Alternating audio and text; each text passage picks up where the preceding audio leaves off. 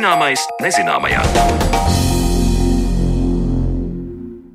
Esiet sveicināti raidījumā Zināmais nezināmajam. Turpmāko stundu ar jums kopā būšu es Sandra Kropa, un šodien mēs parunāsim par ledājiem.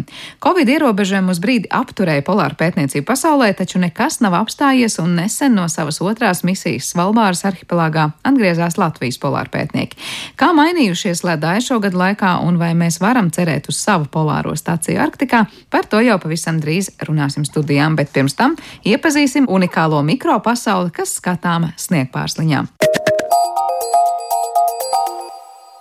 Pēc brīža runāsim par jaunāko ledāju pētniecībā, bet raidījuma turpinājumā parunāsim par to, kā fizika dabā veido tādu skaistumu kā sniegpārsliņas, kā veidojas to kristāliskais režģis, kā to formu ietekmē gaisa temperatūra un cik daudzveidīgas ir sniegpārsliņu formas, par to Zanas Lācis Baltāksnes sižetā. Pārklājumiem sniegpārslas virpuļo klusi tūkstošiem zvaigžņu krīt. Sākotnēji sniegpārsliņa forma ir sešstūraina, jo tāda ir ledus kristāla režģa uzbūve. Tālāk sniegpārslai veidojoties tās apauga ar zariņiem, adatām, trīsstūriem un ir grūti atrast divas vienādas sniegpārsliņas. Bet pats sākums notiek mākonī, kur ūdens molekulām sasalstot, veidojas kristāliska struktūra.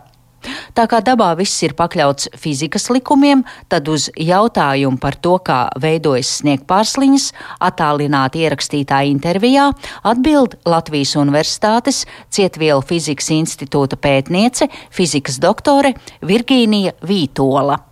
Mākonī ūdens molekulas, kā mazi ūdens pilieniņi, var atrasties arī temperatūrās, kas ir zemākas par ūdens sasāšanas temperatūru. Nu, Tādā ziemā mēs varam saprast, kā tie mākoņi vēl ziemā tur eksistē.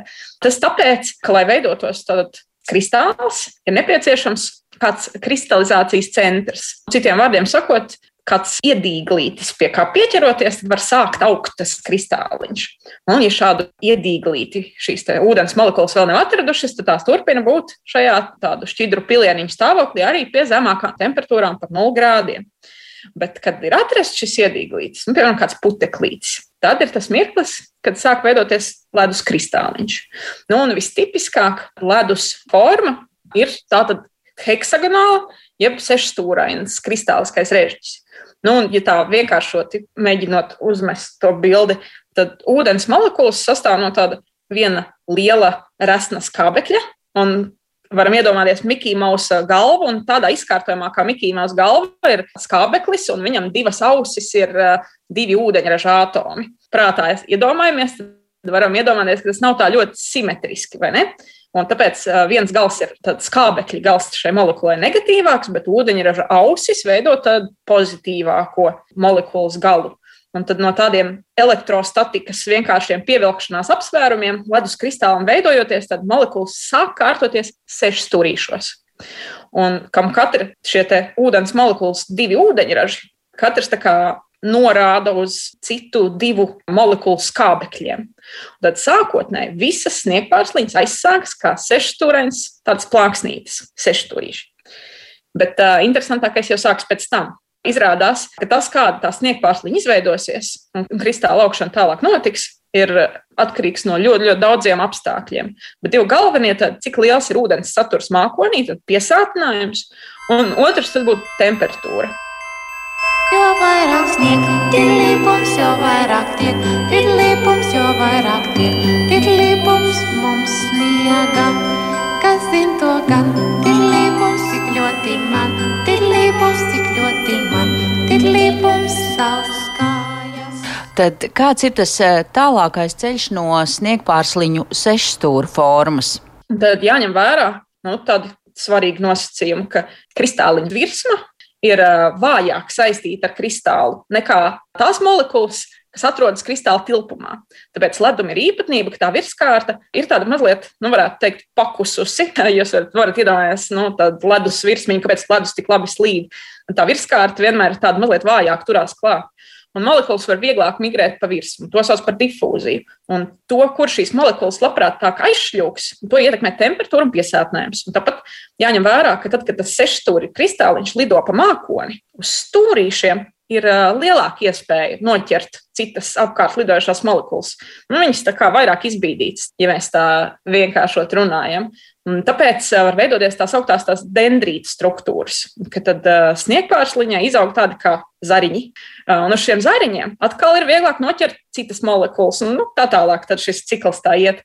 Un tad uh, izrādās, ka pētnieki ir noskaidrojuši, ka pārsliņi pie dažādiem apstākļiem, tādas dažādas temperatūras un dažāda gaisa mitruma var augt gan kā vienkārši plāksnīte, gan kā trubiņa, gan kā zvaigznīte. Un nu, tad jāņem vērā, ka katrs sniegpārsliņš lidojot cauri mākonim, Tur visu laiku šie apstākļi mainās. Tad ir kaut kāds temperatūras gradients, dažās vietās ir vairāk sakoncentrējušās tās molekulas un tā tālāk. Plus vēl viņas sadurās visu laiku ar kaut kādiem citiem, notiek kaut kādas savstarpējās sadursmes, un tāpēc nevar atkārtot divām sniegpārslēm precīzi to ceļu caur tiem dažādiem apstākļiem. Un Tas ir iemesls, kāpēc pat ar superdatoriem uzmodelēt to, kā izskatīsies. Un es zinu, ka man tur veidojas sniegpārslīņi, kāda viņi nonāks līdz zemē, to pat nav, iesp nu, nav iespējams šobrīd izdarīt. Un tad gala izmēri pārsliņām arī ir ļoti dažādi. Nu, pat uh, lielākā esot novērota pat 10 mm diametrā. Bet, nu, tad, principā, šo sniegpārsliņu veidošanās vairāk var apskatīt tā empiriski, tā eksperimentāli novērojama veidā, jo paredzēt un sareiķināt pirms tam, lai kā mums to gribētos, ļoti, ļoti, ļoti grūti. Virgīnija, jūs stāstījāt, ka sniegpārslīņa nu, sešstūra malās atkal pieķers tās nākamās molekulas un minējāt, ka lielākā sniegpārslīņa ir pat 10 mm diametrā. Tad, manuprāt, tas process varētu būt līdz bezgalībai. Kāpēc visu laiku tur galos neķers un vienā brīdī apstājas un tā pārsla ir noformējusies? Nē, nē, nu jāņem vērā tas, ka mums tomēr eksistē tāda lieta kā gravitācija, un tāpat kā lietus lāsēm. Tad, kad viņas ūdens molekuliņas ķertos klāt arī lietus lāsītē, pienāk kaut kāds zināms svars viņai, kad nu, tad attiecīgi tie valdošie spēki, kas viņu, piemēram, turētu tur gaisā, vairs nespēja viņu noturēt. Un tad, ja mums ir kaut kādi apstākļi, kas viņai tur ļauj ilgi, ilgi tajā mākonī dzīvoties, tādi ļoti labi apstākļi, tad viņi tiešām tur var izaugt tādi ļoti lieli. Droši vien, ka pirmkārt svars, nu, otrkārt, atkal kādi ir tie temperatūras apstākļi, jo bieži vien, piemēram, arī, ja sniegs snieg, tad, kad te ir ap nulli, bet tur augšā ir augstāks, tad, protams, arī sākas kaut kādi kušanas procesi. Tas arī jāņem vērā. Tā kā principā līdzsvars starp kaut kādiem vairākiem spēkiem nosaka to, kāds būs tas rezultējošais viņas izmērs. Jo vairāk snieg, tirlīpums, jo vairāk tiek, tirlīpums, jo vairāk tiek, tirlīpums mums sniega. Vēl runājot par sniegpārsliņu struktūru, sakiet, cik ļoti to ietekmē mm, gaisa temperatūra? Vai ir tā, jo zemāka temperatūra, jo tad sarežģītāk ir to sniegpārsliņu forma? Patiesībā sakot, ir tieši otrādāk, jo tā temperatūra ir zemāka, jo viņa ir vienkāršāka. Tad, teiksim, droši vien klausītāji būs dzirdējuši, ka ir tāda lieta kā termiskā kustība. Tāda šīs molekuliņas, kas ir uz virsmas un maliņām, tas ietekmē pirmkārt viņu dancošanu termisko, tad jo siltāks, jo vairāk danco. Un otrkārt, arī tā difūzija, ka viņas kaut kur tā tad šļūts šīs molekulas pa virsmu. Tad to arī vairāk, tad, kad siltāks, tad labāk tas notiek. Nu, tā kā principā vairāk interesanti lieta notiek tieši tad, kad ir bišķiņi siltākas. Pie mīnus desmit jau mums veidosies tādi garlaicīgāk vai nu plāksnītes vai tādi trubiņas, sešstūrainas. Kas nosaka to, nu, ja mēs paņemam tūplānā un palielinājumā, sniegpārsliņš taču ir caurspīdīgs. Kāpēc, jā, kāpēc sniegs ir balts? Es kā tāds liels kāpēcīts jautāju. Principā, tad, ja mēs paskatāmies tiešām uz sniegpārsliņu, viņa ir salīdzināma varbūt ar stikliņu. Tad uh, caurspīdīga varbūt mazliet tāda, nu, kaut kādu krāsiņu var nojaust, bet jā, principā caurspīdīga bet tad kaut kādā veidā gaisma iedarbojas tomēr ar to sniegpārsliņu. Un izrādās, ka ja mums ir daudz sniegpārsliņu, tad uz viņām gaisma, tātad šī miedarbība ir izkliede, gaismas izkliede. Un tātad, ja mums gaisma iziet cauri vairākiem tādiem sniega kristāliņiem, tad viss gaismas šis spektrs, kas nāk no Saules, tiek tā vienmērīgi skaisti izkliedēts, un līdz mums, līdz acīm nonāk dažādas spektra daļas. Un kopā mūsu smadzenes dažādas frekvences, gaismas, kas nāk vienlaicīgi, uztver kā balto krāsu. Tātad, ja mums ir vesela čupa ar sniegpārsliņām, viņas ļoti forši ar gaismu miedarboties izkliedē gaismu, un šī izkliedētā gaisma, tā kā tas notiek uz visām pusēm, vienmērīgi viņas pietiekami liels, lai vienmērīgi izkliedētu, tad mēs redzam balto krāsu. Lai arī process sākotnēji šķiet vienkāršs, ūdens sasalst un tad no gaisa nokrīt simetriski ledus veidojumi. Tomēr vēl aizvien pētniekiem nav pilnībā izdevies atšifrēt sniegpārsliņu tā teikt dzimšanu un to formas veidošanos ir pētnieki, kas ar šo ir nodarbojušies, mēģinājuši izaudzēt laboratorijā tieši tādas, kā gribās, bet jāsaka, ka ar sniegu tiešām vēl, nu, tād, kā jau es teicu, pilnībā uzmodelēt, kā mums izveidosies sniegpārsliņas, ir ļoti, ļoti grūti, tuvu neiespējami. Un tad tas, kas ir izpētīts, tiešām ir tādā eksperimentu veidā, bet pilnībā izprast tā, lai mēs varētu paredzēt, kas notiks. Tas mums vēl darbiņš priekšā kādam ļoti gudram cilvēkam. Pārklājumiem snieg pārslas virpuļo klusi, tūkstošiem zvaigžņu krīt ar Latvijas Universitātes Cietvielu fizikas institūta optisko materiālu laboratorijas vadītāju fizikas doktoru Virginiju Vītolu sarunājās mana kolēģe Zane Lāca Baltalksne, bet raidījuma turpinājumā pievēršamies polāru pētniecībai.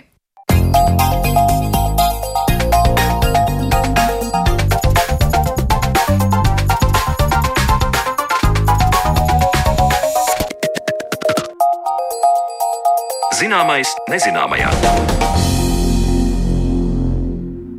Latvijas polāra pētnieki nesen atgriezušies no otrās misijas Svalbārā, kur atkārtot veikuši ledāju mērījumus. Kas ir mainījies šajā Arktikas arhipelāgā un ko stāsta pētnieku ievāktie dati par to visu? Tad arī šodien mēs vairāk runāsim atlikušajā raidījuma pusstundā, kad ar mums kopā studijā Latvijas Universitātes Geogrāfijas un Zemeszinātņu fakultātes vadošie pētnieki un ģeoloģijas zinātņu doktori Kristaps Lamsters un Jānis Karušs. Sveicināti! Sveiki!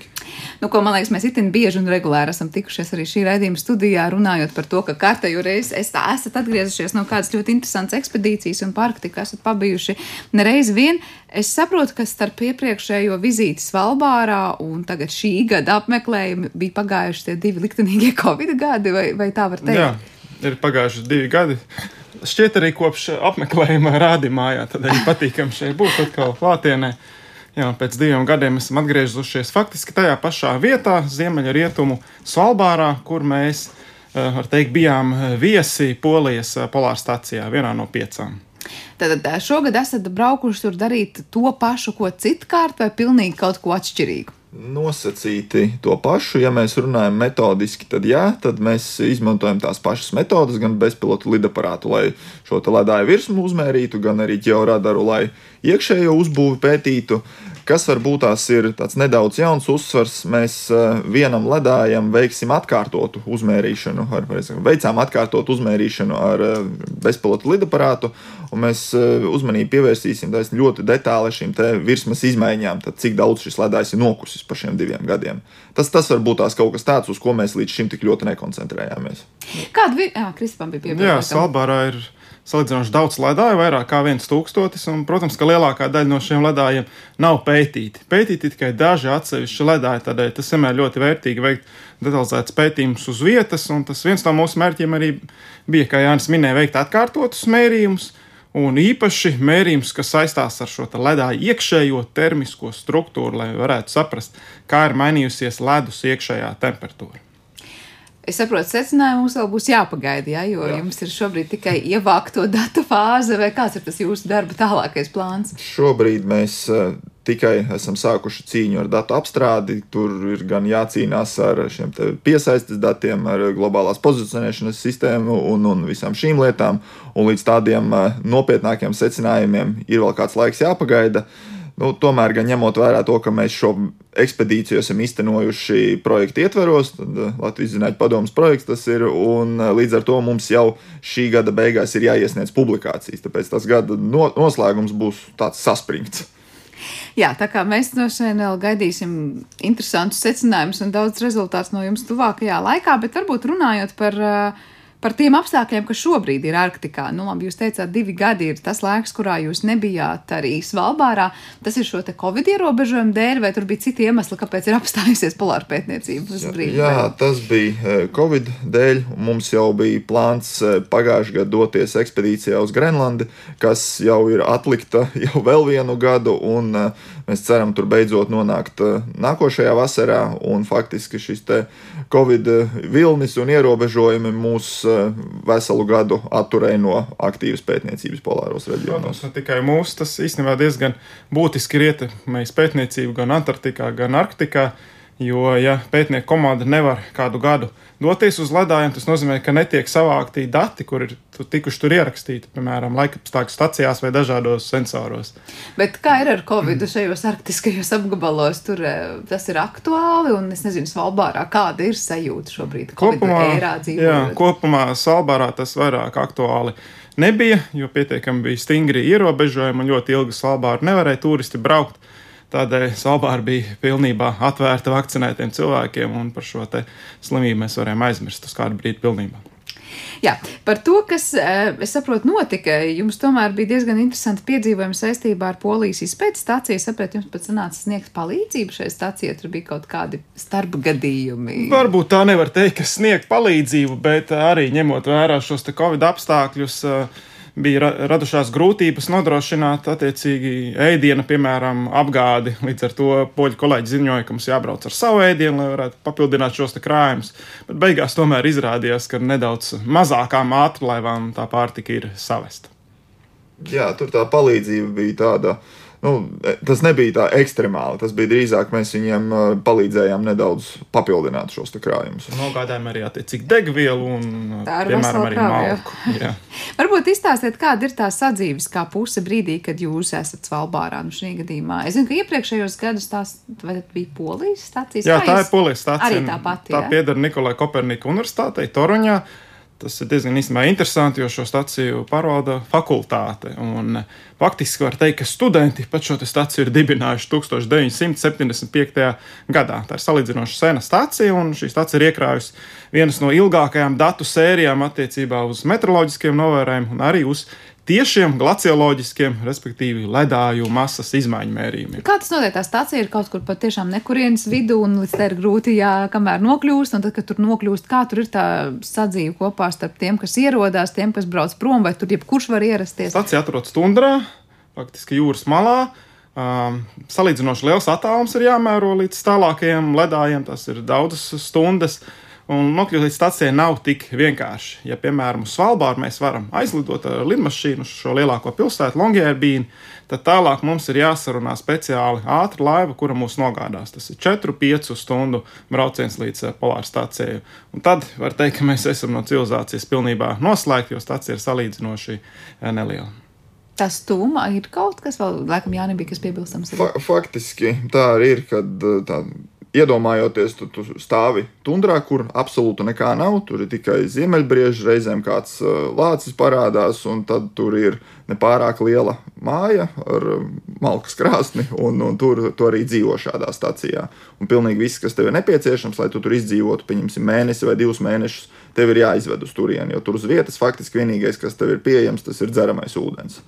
Un tā, tā ikdiena tā arī paiet, uh, gaidot, kad būs labi laikapstākļi, un tu varēsi doties uh, pētījumus veikt. Un tad, kad laikapstākļi nav labi, tad tu sēdi bāzē un gaidi. Bet jūs bijat tur šobrīd augustā, tā ir vasara. Kas tur ir labi apstākļi? Augusts ir laikā? vasara, un uh, faktiski mēs runājam par Svalbāru. Tad jūlijas un augusts tie ir divi mēneši, kad piekrastē un šiem mazākiem ledājiem nav sniega. Visu pārējo gadu laiku šie ledāji ir apsniguši un eh, liela daļa uh, gada tur arī iestājas šī polārā nakts. Mūsu gadījumā bija polārā diena, kas, protams, ļaus strādāt nedaudz ilgāk. Bet tie apstākļi, nu, labvēlīgi, nelabvēlīgi vasarā nozīmē ko kaut kādas vētras vai? Labvēlīgi, nelabvēlīgi. Tas nozīmē, ka pamatā jau visas dienas ir apmākušās un ik pa brīdim kaut kas nedaudz uzlīst. Bet ir arī tādas dienas, kad vējš ir tiešām spēcīgs un, un jau ir sarežģīti pārvietoties, un ja vēl ir lietus tam papildus, tad, tad faktiski nu, ir grūti. Var, protams, iet un darboties. Mēs arī vienu dienu mēģinājām ne tenos labākajos laikapstākļos darboties, bet pēc tam arī mums tas uh, radīja sekas, jo mēs saplēsām veiksmīgi vienu portatīvo datoru. Pareizāk sakot, viņš neizturēja šos klimatiskos apstākļus. Līdz ar to, ja pat cilvēks tur var iziet ārā kaut kādā brīdī, tad tehnikai tas ir ta, ta, tas ir nāvīgi. Un eh, runājot par temperatūru, nav tā, ka tur ir mīnus 20 vai mīnus 30 grādi. Tie tāpat tās ir plus grādi, bet eh, tas nav īpaši vairāk par plus 10, varbūt kādā siltākā dienā plus 15. Un ar augsto vēju droši vien arī tā sajūta ir krietni. Kopā ar vēju skarbāk. tas eh, ir, ir skarbāk. Jā, klimats Svalbārā kopumā ir ļoti komplicēts, jo Svalbāra, lai gan nedaudz mazāk par Latviju, ir izstiepta ziemeļu virzienā. Līdz ar to dienvidos tā temperatūra ir daudz siltāka nekā ziemeļos. Savukārt šajā rietumu svalbāras daļā to apskalo siltā zemē rietumu Špitsbergenes traume, kur ir golfa traumas atzars. Līdz ar to tur ir ļoti bagātīgi nokrišņi, liels mitruma daudzums, ļoti liela mākoņainība. Un tas viss izpildās tieši vasarā. Gan arī katra diena ir debesis ir klātas ar slāņu mākoņiem un līdz lietus, un arī tas trends ir tāds, ka nokrišņu daudzums īpaši ziemā palielinās. Un, ja agrāk nokrišņu daudzums bija sniega veidā, tad šobrīd tas nokrišņu daudzums sniegā uh, ziemā var būt kā lietus, un tam ir vislielākā ietekme uz ledākošanu. Jā, pirms mēs runājam par pašiem ledājiem, vēl noslēdzot to daļu par pašiem ja apstākļiem, kuros strādā, tad sanāk, ziemā vispār tur ir reāli iet pētniekiem ārā un iegūt tos datus, jo tur, man liekas, nav tā, ka no tumsa un tumsa un vēlreiz tumsa. Jā, tumsā ir problemātiski, bet, teiksim, vēlā ziemā, agrā pavasarī ir iespēja veikt pētījumus, jo uh, Tur iespējams doties ar sniega motocikliem. Respektīvi, var aizlidot ar helikopteru vai nelielu lidmašīnu uz pašu tālāko zinātnisko pilsētiņu ziemeļos, un tālāk ar sniega motocikliem doties uz polāru stāciju, un arī uz ledājiem ar sniega motocikliem ir iespējams pārvietoties. Bet problēma tāda, ka visu klāja sniegs, līdz ar to, piemēram, uzņemt fotogrāfijas no drona, veidot šos virsmas modeļus, nu īsti nav iespējams. Viss ir vienkārši balts. Tas ir, ja mēs eh, runājam konkrēti par šo poļu pētniecības stāciju, bet eh, Svalbārā tāpat tās notiek pētījumi arī ziemas periodā. Viņam šī pilsēta Alesunda, kas ir principā zinātnē veltīta pilsēta. Nu, tur, tur ir daudzi pētnieki, kas dzīvo cauru gadu un ir vairākas eh, zinātnes jomas, kuras var tur veiksmīgi īstenot arī ziemā. Nav jāgaida tikai vasara. Jā, bet jebkurā gadījumā šajā brīdī es saprotu, ir diezgan daudz pētnieku, jo jūs bijāt vienlaikus tur arī ar ne tikai polijas kolēģiem, bet Norvēģijas un Taivānas pārstāvjiem tie stācijā. Tas, tas bija drīzāk ar Norvēģijas pārstāvjiem, tas bija izlaicīgi. Tur bija e, grupa ar pētniekiem, kas nodarbojās ar ziemeļbriežu izpēti. Tad viņi monitorēja šos ziemeļbriežus, un viņi savā ceļā arī vienu brīdi piestāja poļu stācijā, un, ja nemaldos, divas naktis palika līdz ar to vi, viņu klātbūtni mēs tā neizjutām. Un, savukārt, ja mēs runājam par eh, Taivānas pētniekiem, tad uh, bāzē, tā kad mēs jau ieradāmies, divi no viņiem jau devās prom un palika tikai viens. Līdz ar to arī faktiski mēs pamatā bijām mēs latvieši un poļu pētnieki. Bet kopumā var teikt, ka starptautiskā interese šobrīd Svalbārā ir koncentrēta, neraugoties uz to, ka ir bijusi tāda pauze polārajā pētniecībā. Jā, vienmēr jau ir bijusi koncentrēta. Nav bijis tā kā tā. Vienmēr. Jā, un šogad bija tāds interesants, protams, brīdis, kā bāzes mastā ir pacelti veseli četri karogi kopumā. Tas tāds labu sajūtu radīja. Jā, nu, es saprotu, ka sapnis par Latvijas polāru stāciju joprojām ir dzīves. Protams, mēs uz to mēģinam iet. Cik tālu un reāli tas ir? Mēs eh, šobrīd varbūt tās, eh, tas lielākais solis, kas ir izdarīts, ir nodibināts eh, Polāro pētījumu centrs Latvijas universitātes ietvaros. Un, faktiski tas tomēr ir uzskatāms par lielu soli, jo tad šo centru jau mēs koncentrējam šos pētījumus. Tas vairs nav tā, ka tie ir daži cilvēki, bet ir vismaz arī juridisks pamats tam visam. Un tas, tas, es domāju, tas pirmais lielais solis virzībā arī uz stabilāku klātesamību Arktikā un Antarktikā. Un uh, mēs joprojām uzskatām, ka tas ir absolūti nepieciešams mūsu valsts zinātniekiem. Ko dotu šāda polārā stācija tieši Latvijas? Nevis tas, ka Latvijas pētniekiem būtu iespēja nu, pie poļu vai citiem kolēģiem tur apmesties, bet tad, kad mums būtu pašiem savu stāciju, precīzāk, ko tā dotu un ko tā ņemtu. Tā ir iespēja veikt um, ilgtermiņa pētījumus un atrisināt arī daudz loģistikas uh, problēmas. Jo lai mēs dotos pētīt kādas ledās, mums ir jāsazinās ar attiecīgo valsti, tās zinātniekiem, jānokārto nepieciešamās atļaujas, jādabū kāds neliels brīvs brīdis, kad konkrētā stācija var mūs uzņemt. Un dažos gadījumos tas varētu nebūt iespējams. Tā kā tas var visu laiku būt atkarīgiem no citiem. Ja? Mm, tieši tā. Tomēr ir jāsaprot, ka tāpat kā visās citās jomās, arī zinātnē valda konkurence un ir konkurence par dažādiem projektiem. Un, līdz ar to uh, viss jau ir orientēts uz sadarbību, bet, uh, ja kādas citas valsts zinātnieki saskata, ka mēs ar viņiem tiešā veidā konkurējam, kaut kādas līdzīgas jautājumus mm. mēģinam atrisināt, tad, nu, protams, viņu tā ieinteresētība varbūt tās ar mums sadarboties kaut kādā brīdī noplūka.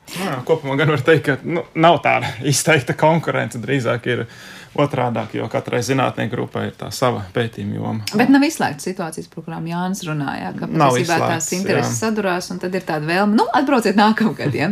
Bet ko prasa valstī uzturēt savu polāro staciju? Tas ir jārēķinās ar kaut kādu uh, pastāvīgu klātbūtni tur kādam, vai tās ir lielas izmaksas? Faktiski, vai... jā, lielākā daļa šo staciju, tās nav vissezonas stacijas, tās ir tikai sezonas stacijas, tās ir aktīvas dažus mēnešus, varbūt tikai gadā. Līdz ar to tie lielākie iz, izdevumi ir tikai šo staciju uzbūvēt, atnest gatavus materiālus un salikt kopā.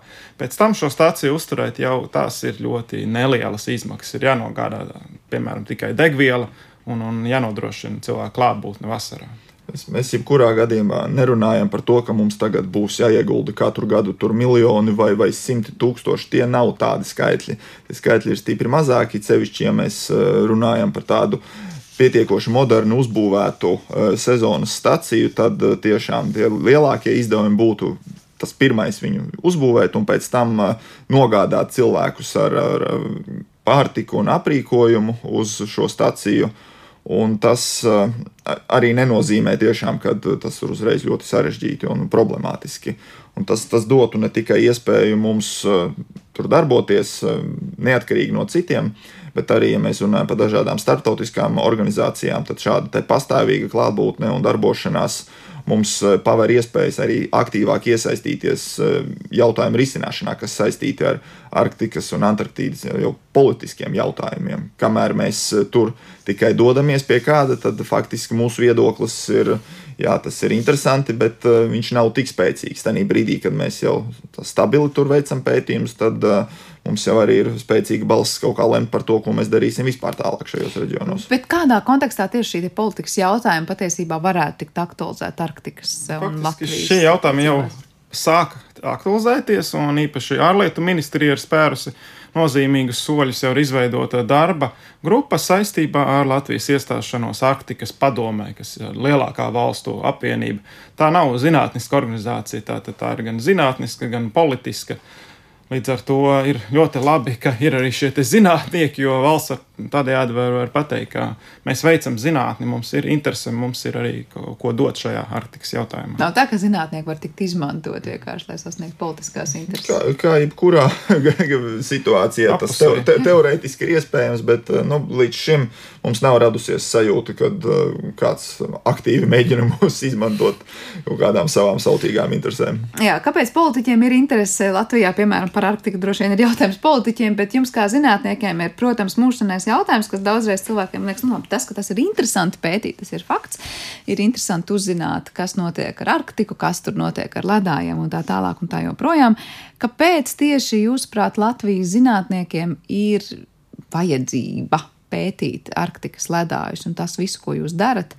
Mm, kur ir tas praktiskais, nu, Jā. nezinu, pienesums atpakaļ Latvijai? Nu, kopumā var teikt tā, ka zinātnē nav nepieciešams momentāls, lietišķs, praktisks pienesums. Mēs vienkārši nedrīkstam tā domāt, jo zinātnē tā tas nenotiek. Pētījumi ir ļoti ilglaicīgi un, mēs, un bieži vien fundamentāli mēs nezinām, kurā brīdī šīs iegūtās zināšanas mums noderēs. Kopumā kā izglītotāji sabiedrībai mums ir jāsaprot, ka mums ir jāmēģina izzināt šie dabas procesi, un ja mēs to varam izdarīt, tad, tad attiecīgi mēs to darām. Jā, nu kāds ir tavs redzējums? Jā, šie, mums kaut kā patīk tiešām domāt, ka mūs interesē tikai tas, kas notiek Latvijā. Nu, tomēr būtu mums jāskatās arī plašāk, tālāk. Un, ja mēs interesējamies tikai par to, kas notiek pie mums, nu, tad nav ko pēc tam brīnīties, ka kaut kādas citas valstis izlemj mūsu vietā, kā mēs varbūt rīkosimies kaut kādā situācijā. Un at, aktīvi iesaistoties pašiem šo jautājumu pētniecībā, mums arī pašiem ir uh, viedoklis par to, kā mēs varbūt gribam kaut ko darīt. Un tiešām šie polārie reģioni, gan ziemeļi, gan dienvidu, šī ledus kušana tur notiek, viņi paliek vairāk pieejami gan uh, kuģu transportam, gan arī derīgo izrakteņu iegūs jautājums vienmēr mums paliek uh, atklāts. Šobrīd mēs uh, īsti neiegūstam derīgos izrakteņus Antarktīdā, bet nu, kaut kādā brīdī var būt tiks lemts par to, vai mēs to darām vai nedaram. Un, nu, ja mēs negribam palikt vienkārši novērotāju lomā un, un skatīties, kā nu, citi risina šos jautājumus, un gribam arī iesaistīties, tad uh, domāju, šis ir vienīgais veids, kā mēs to varam izdarīt. Tas tā kā vēl uz to politisko pamatojumu, kāpēc mums būtu vērts būt Arktikā vai Antarktīdā. Bet... Jā, jo zinā, zinātniskais pamatojums jau ir skaidrs, ka zinātnes mērķis jau ir izpētīt pasauli, gan uh, lietas, kas ir dziļi ar praktisku pielietojumu, gan arī lietas, kas varbūt uz šo brīdi neliekās ar praktisku pielietojumu. Jo nu, elektrības sākotnēji arī cilvēkiem īstenībā nebija saprāšana, vai vispār būs praktisks pielietojums. Mēs nekad nezinām, kā tas attīstīsies tālāk. Tad no zinātnīs viedokļa ir skaidrs, kāpēc tur, bet eh, tas politiskais varbūt reizēm paliek otrā plānā. Jā, bet uh, ir, ir runājumi par to, ko jūs ieraugat par konkrētiem ledājiem, ko jūs pētat Arktikā. Uh, Protams, par klimatu mēs droši vien daudz varam runāt, ka jūs varēsiet daudz ko, nezinu, secināt vai ieraudzīt, par ko dažkārt varbūt mēs tikai sakam, jā, nu, tur ledāja kūst, jūs pateiksiet, cik ātri un kādā veidā tas notiek. Bet vai ir kaut kas tāds, ko jūs varat palīdzēt labāk saprast par, es nezinu, kādiem ģeoloģiskiem procesiem šeit, Latvijā, pētot Arktikas procesus? Mm, faktiski jau mēs tiešā veidā arī nepētam klimata pārmaiņas, jo tas, kas notiek ar ledājiem, ir tās pārmaiņas var, var būt saistītas ar klimatu, var nebūt saistītas. Tās, jebkurā gadījumā, ir interesantas un nozīmīgas saistībā ar šo ledāju veidošanos un attīstību. Un tie ir tādi diezgan būtiski, pat fundamentāli jautājumi, kam mēs pievēršam uzmanību saistībā ar šo ledāju dinamiku, termisko struktūru, plūsmas režīmu, kādā veidā veidojas ledāja notece, kā plūst šie ūdeņ, ūdens kanāli, kā tie attīstās. Uh, Vienmēr mēs varam kaut kādu salīdzinājumu veikt arī Latvijas teritorijā. Ir tāda vēlme, jo Latvijā lielāko daļu reliefa ir veidojis um, ledājs, īpaši jau pēdējais apledojums. Un, attiecīgi, pētot šīs konkrētās reliefa formas Latvijā, mēs varam kaut ko mēģināt saprast par šo seno segledāju dinamiku, attīstību. Un, un mēģināt prognozēt, kā attīstīsies Grenlandes, Antarktikas ledus vairogi, arī otrādi mēs varam novērot kādus konkrētus procesus un attiecināt tos pagātnē. Jūs esat bijuši tad, gan piesauktajā Grenlandē, gan Antarktikā, gan, protams, arī Svalbāra ir jūs jau vairāk kārt izpētīt teritoriju. Kā jūs tā pavisam vienkārši teiksiet, ar ko atšķiras, piemēram, Grenlandes ledājas no Svalbāras ledāja? Vai tur jūs braucat pētīt un jūs ieraugat kaut ko fundamentāli atšķirīgu? Atšķirība ir, var teikt, milzīga, jo pasaule eksistē uh, divi reģioni, kur atrodas ledus vairogi. Tā ir Antarktika un tā ir Grenlande. Tās ir lielākās ledus masas pasaulē. Grenlande 1,7 Eh, miljonu kvadrātkilometru platībā ir šī ledus sega. Svalbāra tas, tas ir neliels salu arhipelāgs, 41,000 kvadrātkilometru. Um, līdz ar to Grenlandē ir ledus vairogs, un šim ledus vairogam ir daudzas, var teikt, milzīgas ledus lielplūsmas, ātras, strauji plūstošas eh, ledus masas. Un um, Svalbāra galvenokārt sastāv no tā saucamajiem politermāliem un augstiem ledājiem, kuriem katram tā dinamika ir atšķirīga. Katrs ledājs plūst ar savu ātrumu. Vienam ledājam ledājs sasniedz kušanas punktu gultnē, tur atrodas ūdens, ledājs var uzvirzīties. Citā gadījumā ledājs ir pilnīgi augsti bāzēts un piesalis gultnē. Tad tā dinamika ir pilnīgi atšķirīga. Protams, arī ietekme uz globālo klimatu jūras līmeni ir pilnīgi cita. Ja mēs tā arī nu, skatāmies, ko mēs eh, veicam, kurās vietās pētījumus, tad uh, arī pēc nākošā gada ekspedīcijas uz Grenlandi mums būs iespēja jau skatīties nedaudz vairāk arī kā šie ledāji reaģē uz dažādiem klimata apstākļiem. Jo mēs principā dosimies uz Grenlandi uz aptuveni tiem pašiem platuma grādiem. Tas ir aptuveni tikpat tuvu Ziemeļpolam, kā ir Svalbāra.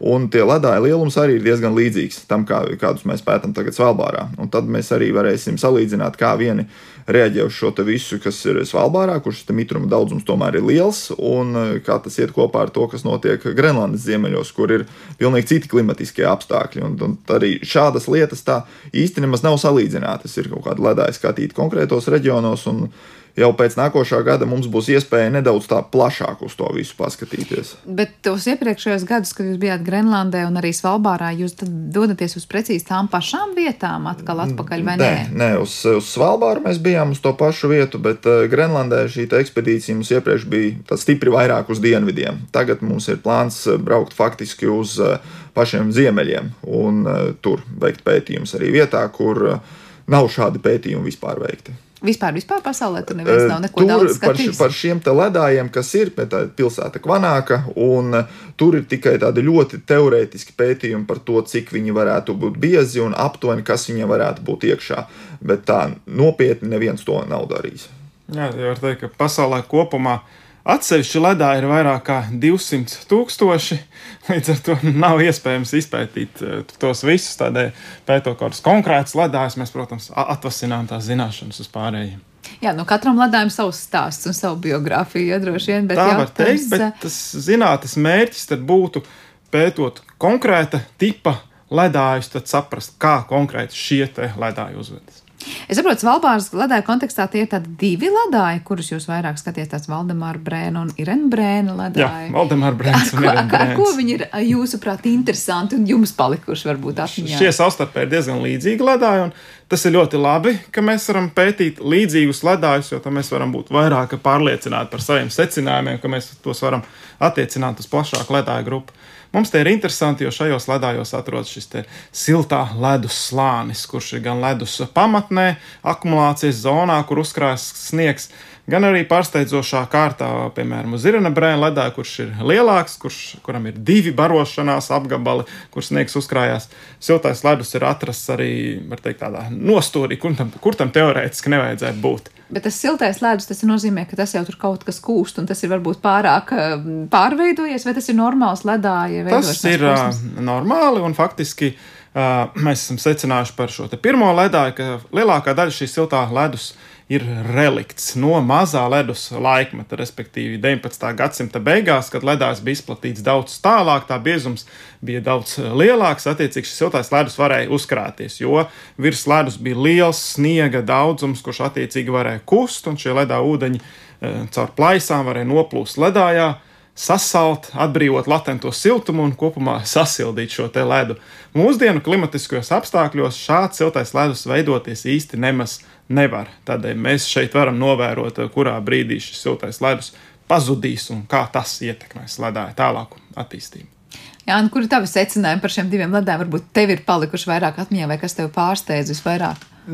Jā, tas, tas varbūt ir tas galvenais, pirmais pārsteigums, kad mēs šogad uzsākām šī Irina Brēna iekšējās uzbūves pētījumus. Mēs jau uzreiz uz lauka jau sapratām, ka viņam šī termālā struktūra ir diezgan īpatnēja. Tad viņam ir šis siltais ledus ne tikai tur, kur mēs viņu prognozējām, kur viņš būs, bet arī nu, ne tādā klasiskā vietā.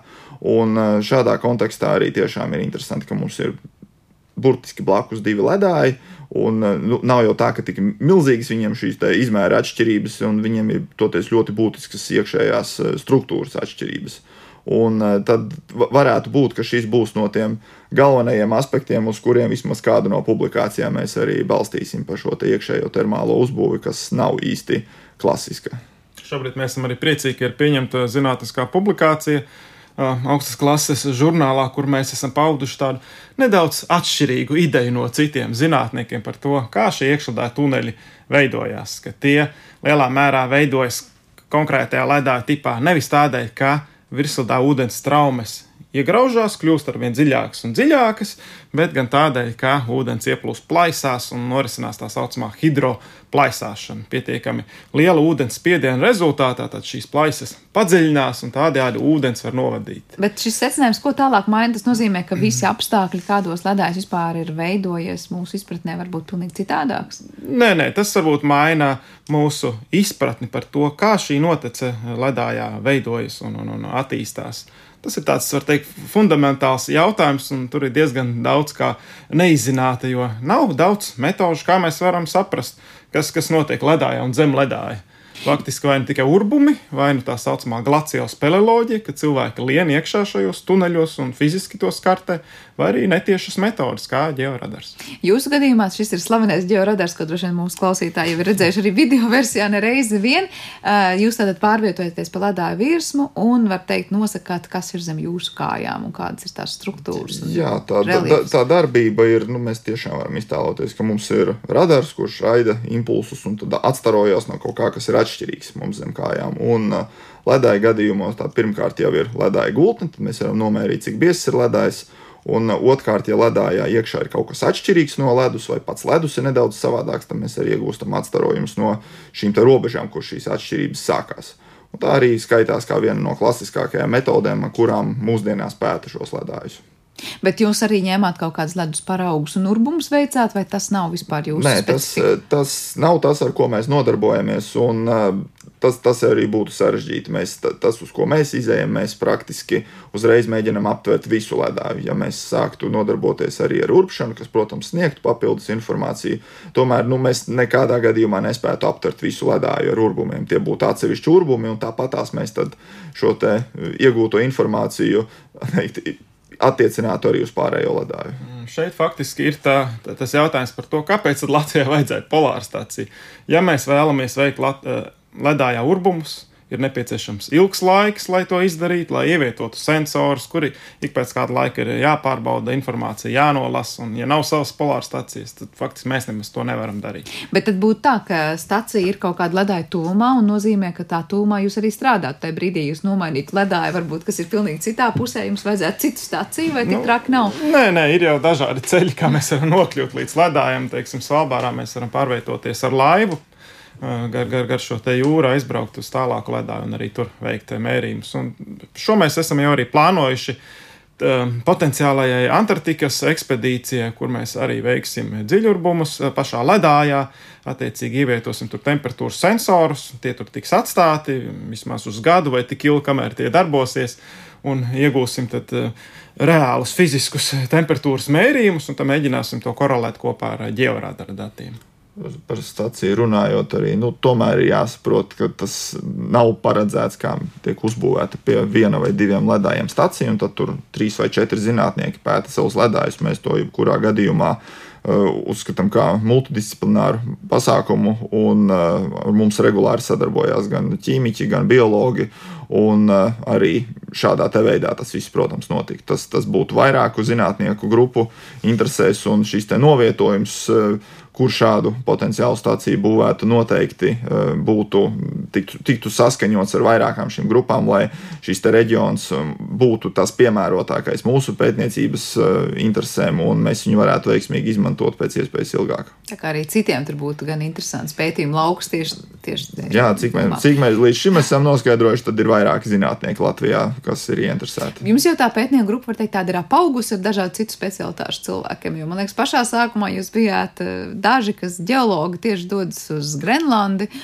Pēc tam Svalbāra vai, vai, vai otrādi bija tas, tas kodols, es teikšu, ir tāds pats kā sākumā, tā galvenā grupa, bet uh, katrai ekspedīcijai ir kaut, kaut kāda cita grupa vēl piesaistās, un tad ir kaut kādi citi paraugi vai, vai citas intereses, un uh, šie pārējie pētnieki tad vairāk tad ir tad kampaņveidīgi šī iesaiste, bet tas arī tā ir normāli, tas visās valstīs tā notiek, kad ir zinātniski projekti, kur ietvaros arī kaut kas tiek darīts. Ir tā pamatgrupa, kas organizē šo visu pasākumu, un tad eh, pārējie piesaistās uz kaut kādu noteiktu periodu. Lai, lai veidotu tādu ilgstošāku, dažādu starpnozaru zinātnieku grupu, tad tur tiešām būtu vajadzīgs šis ilgtermiņa valsts atbalsts, ka mēs jau zinām, ka mums desmit gadus uz priekšu būs finansējums dažādu jomu pētījumu veikšanai. Nu jā, to droši vien nevar organizēt tā uz nākamo vasaru, kā senāk. Jā, to ir grūti tā no atsevišķiem projektiem. Nu, lai mums noteikti izdodas, bet noslēdzošais jautājums pavisam īsi. Es sadzirdu, gan Antarktīdas ir mērķi atkal, un Grenlanda ir mērķi. Kādi ir tie jūsu tuvākie maršruti? Tad es saprotu, nākamā Nākamajā, ekspedīcija ir Grenlandijā. Jā, nākamajā vasarā, ja atkal nebūs kaut kāda sarežģījuma ar Covid vai ko citu, tad mēs dodamies uz Grenlandes ziemeļiem, un tāpat tās mēs esam iesnieguši projektu, kurš arī, ja tiks apstiprināts, tad mēs nākošajā jau ziemā, tas būtu kaut kāds februāris aptuveni, mēs dotos uz Antarktīdu. Un tā jau būtu otrā vizīte Antarktīdā. Jā, tā būtu otrā vizīte Antarktīdā.